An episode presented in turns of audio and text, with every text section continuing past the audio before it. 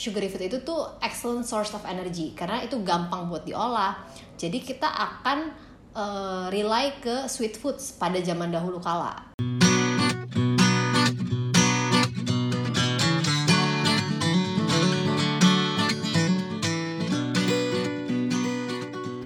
Hai guys, Kembali lagi dengan kita di Apa Kata Dokter bersama gue Dr. Michelle dan Dr. Regina pastinya. Hari ini kita akan ngebahas tentang sugar. Jadi judul dari podcast kita adalah Sugar Why Sugar is Not So Sweet. Padahal sugar is sweet, tapi it's not so sweet to our body. Hmm. Ya, jadi ternyata sugar itu membawa banyak hal yang tidak baik di badan kita. Jadi kenapa kita harus uh, mengurangi dan mengkontrol consumption of sugar? Mari kita bahas satu-satu, oke? Okay? Oke. Okay. Jadi uh, yang pertama kita mesti samain konsep dulu nih. Sugar itu sebenarnya apa sih gitu kan? Jadi kalau yang awam tahu tuh biasanya sugar tuh ya yang makanan uh, minuman manis gitu ya, yang kayak teh manis, mungkin boba gitu ya, atau uh, kayak cake yang manis gitu tapi ternyata kalau si sugar ini sebenarnya banyak banget jenis makanannya. Jadi nggak cuman dari yang uh, kelihatannya kayaknya memang sangat bergula gitu. Tapi kayak uh, makanan yang seperti roti ya nasi itu juga nanti ujung-ujungnya menjadi gula gitu. Sebenarnya uh, si glukos ini banyak banget jenis makanannya. Betul betul. Jadi kadang-kadang orang mikir oh gue nggak makan manis kok gue nggak suka yang minuman-minuman manis. Tapi mereka makanannya tuh juga yang uh, high carbs dengan glycemic index yang tinggi yang nanti akan kita bahas apakah itu gerangan. Nah tapi itu semua sebenarnya juga uh, sugary kita kategoriinnya. Oke okay. Jadi kalau buat kita mau konsumsi gula tambahan nih, misalnya kita mau minum ditambahin uh, gula itu sebenarnya boleh atau enggak? Dan kalaupun boleh, batasannya berapa sih? Kalau untuk gula yang kita tambahin, jadi uh, misalnya kita minum teh terus kita mau manisin gitu ya. Yang disarankan itu adalah 10% dari total kalori yang kita konsumsi sehari atau kalau mau lebih baik lagi tuh bisa di bawah 5% ya untuk added sugar karena uh, kalau untuk added sugar ini kadang nggak cuma dari apa yang kita masukin ya karena kayak kita minum packingan yang udah jadi kayak teh kotak atau teh manis yang udah dalam bentuk botolan itu juga hitungannya added sugar jatuhnya gitu. Hmm. Nah kalau 10% tuh kira-kira berapa Gin? 10% tuh ya. Jadi kalau menurut American Heart Association uh, 10% itu dia udah convert tuh biar gampang. Jadi kalau di laki-laki itu kurang lebih 150 kalori per hari. Kalau di perempuan itu 100 kalori per hari. Which hmm. means kalau di laki-laki itu sebanyak 37,5 gram atau 9 sendok teh. Kalau di perempuan itu 25 gram atau 6 sendok teh gula. Nah, tadi bingung kan? Satu sendok teh atau dua sendok teh yang kita udah yeah. minum. Nah, biar ada gambaran, satu kaleng Coca-Cola itu mengandung 140 kalori dari gulanya aja. Sedangkan kalau kayak kita minum, eh kita makan kayak uh, coklat bar, itu biasanya mengandung kayak hampir 120 kalori dari gulanya aja. Jadi kebutuhan dari bukan kebutuhan. Jadi uh, batas gula tambahan yang kita makan dari cuma minum satu kaleng Coca-Cola itu tuh udah menghabiskan jatah kita sehari sebenarnya. Jadi kita nggak boleh makan coklat bar and Coca-Cola at the same time, at the same day. Jadi pilih salah satu gitu ya. Dan kayaknya mungkin orang ngerasanya kayak ah cuma dikit doang kok kayak maunya kecil gitu kesannya itu cuma minum kayak sekaleng kan kecil ya gitu masih boleh lah tambah yang lain kayaknya aku dikit kok makan gulai tapi ya kalau kalian nggak ngelok dan nggak bener-bener tahu ya akan akan berlebih gitu. Karena memang uh, sekarang makin banyak proses food gitu ya. Makanan yang udah makin gampang dicari. Jadi uh, kayak kita tuh makin tinggi consumption dari sugar yang di added kayak gitu. Dan uh, mudah-mudahan dengan adanya podcast kita ya kita bisa ningkatin lagi awareness orang-orang supaya bisa cut consumption of added sugar sih yang utama gitu ya Nah, terus kenapa sih Gin kita suka banget manis? Kayaknya emang sweet tooth kayak orang bilang ada perut terpisah ya kalau misalnya habis makan tetap masih mau dessert gitu. Kenapa itu enak ya? Iya. Sebenarnya ini um, terjadi udah hardwired di dalam otak kita ya. kita ini sebenarnya uh, tetap punya otak yang kayak manusia purba. Jadi pada dasarnya zaman dahulu kala uh, sebagai respon dari kita bertahan hidup, uh, manusia primitif itu kan dia butuh makan dan sugary food itu tuh adalah yang tadi kayak uh, Dr. Michelle bilang kalau sugary food itu tuh excellent source of energy karena itu gampang buat diolah.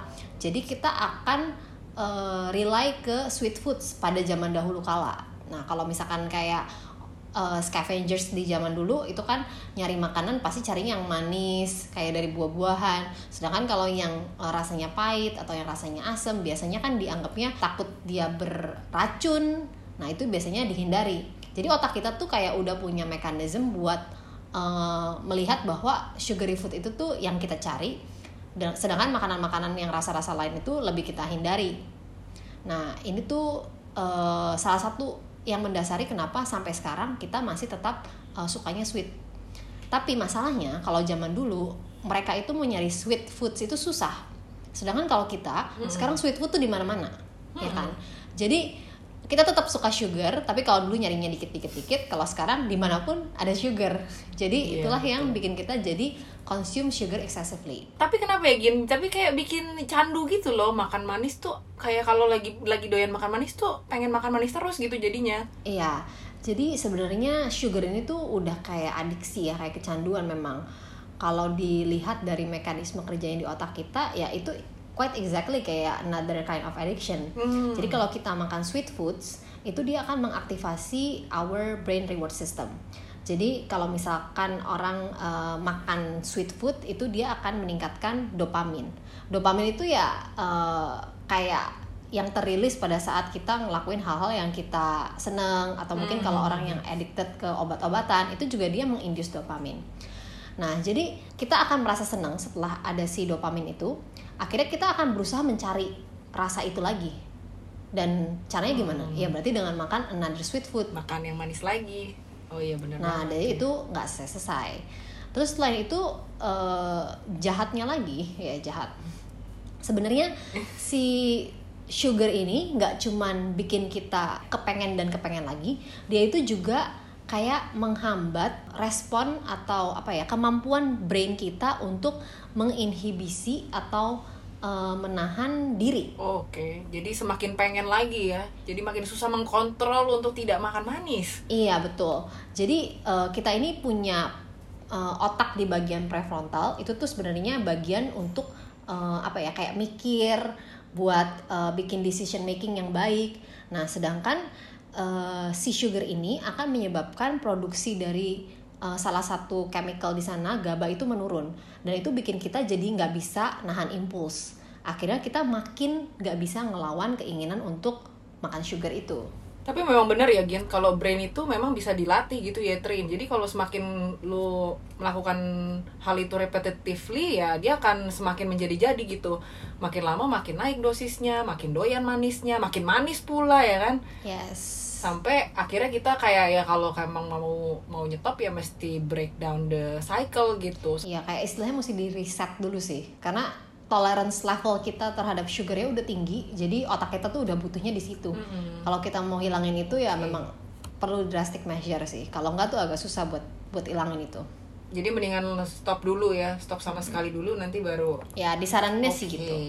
Tapi sebenarnya what's the big deal about eating sugar? Kayak oke okay, kebanyakan eating sugar nggak bagus pengen terus. Tapi emang apa sih yang jeleknya? Sebenarnya yang jeleknya itu adalah sugar ini tuh ngeleads to inflammation ya. Kalau untuk inflammation ini sendiri mungkin ini kita harus jelasin lebih dalam lagi ya karena mungkin orang-orang bingung inflamasi apa nih maksudnya ya. Inflamasi itu kayak uh, suatu proses uh, terjadinya peradangan jadi kayak peradangan yang terus menerus di badan kita yang jadinya nanti lama-lama menjadi kronik ya mungkin nggak peradangan yang kayak kelihatan kalau radang itu kan biasa kelihatannya merah hangat nyeri gitu ya. Tapi ini tuh low grade tapi kronik. Jadi bahkan terus menerus terjadi tanpa kita sadari gitu. Nah si inflamasi ini tuh bahaya banget. Jadi dia bisa menjadi uh, penyakit kardiovaskular ya jantung terus bisa juga yang pasti diabetes iyalah ya. Ya secara gula juga link langsung ke diabetes terus bisa juga menyebabkan seseorang jadi lebih cepat pikun ya. Selain pikun pun ya di sehari-hari itu didapatkan ternyata pada penelitian kalau yang makannya lebih manis-manis itu si jadi ini penelitian pada tikus ya. Tikus itu lebih susah mengingat hal uh, yang dia misalnya kayak jalan yang biasa dia lewati karena si fungsi hipokampusnya menurun karena dia makan lebih banyak sugar diet. Jadi pada penelitiannya itu didapatkan penurunan dari fungsi memori. Nah ini ada yang menarik nih. Ternyata eh, pada orang yang makan gulanya lebih banyak, terbukti pada penelitian itu mengalami peningkatan 23% mengalami gangguan mental. Ya, selain itu juga bisa leads to depression. Nah, yang terakhir nih yang mungkin menarik buat kita nih, terutama perempuan-perempuan ya yang mau awet muda. Ternyata sangat link to aging. Jadi siap-siap yang suka makan manis-manis lebih cepat tua. Gawat, guys. Waduh. Anti aging mau pakai seberapa banyak pun itu skincare kalau makannya nggak bener tetap akan aging. Iya, karena kesehatan gitu kulit ya. ya gimana pun harus dari dalam ya dan ternyata sugar sangat mempengaruhi guys. Yes dan it's irreversible gawat guys. Jadi kalau mau sekarang. Dari sekarang prevent. Oke. okay. Nah, Gin, kenapa sih Gin? Uh, bikin inflamasi gin? Waduh ini sih sebenarnya agak ribet ya kalau secara uh, biologis. Gampangnya deh gin. Tapi secara secara singkatnya uh, intinya dietary sugar itu akan menyebabkan kita menghasilkan free fatty acid atau asam lemak lemak bebas di uh, liver yang lebih tinggi dan asam lemak bebas itu akan uh, meningkatkan toksisitas jadinya dia akan menghasilkan metabolit-metabolit yang akan uh, kemudian menginduce terjadinya uh, radang itu gitu. Dan akhirnya terbentuk radikal bebas. Nah, kalau udah ada terjadi radikal bebas, ya mulailah terjadi kerusakan-kerusakan, kerusakan jaringan secara setempat, terus nanti akhirnya menyebar ke sebelah-sebelahnya dan akhirnya ya yang tadi tadi disebutin itu kita menghidap banyak penyakit yang lain kalau kita uh, biarkan itu terus berlangsung. Nah, jadi uh, secara penelitiannya sendiri ternyata tuh memang ada yang namanya si reaktif protein yaitu sebuah marker inflamasi dan ini ternyata lebih tinggi pada orang yang memang konsumsi gulanya lebih tinggi dibanding orang yang jarang makan gula. Jadi uh, memang objectively terlihat ya kalau itu ngeling ke banyak penyakit. Nah, salah satu penyakit yang sekarang sering timbul di masa-masa zaman now ini adalah penyakit autoimun. Yang salah satunya juga dari inflamasi tersebut. Jadi, biasa autoimun itu orang-orang dengan autoimun meningkat si reaktif proteinnya. Oke, jadi memang sugar itu tuh banyak banget ya efek yang gak bagusnya di tubuh. Dan selanjutnya kita akan bahas uh, hal yang menarik banget nih khususnya buat perempuan yang tadi juga udah sempet disinggung sama dokter Memi bahwa uh, sugar akan mempengaruhi skin condition kita dan juga aging. Kita akan bahas lebih dalam lagi di episode berikutnya. Sampai jumpa di next episode. Yeay, bye bye.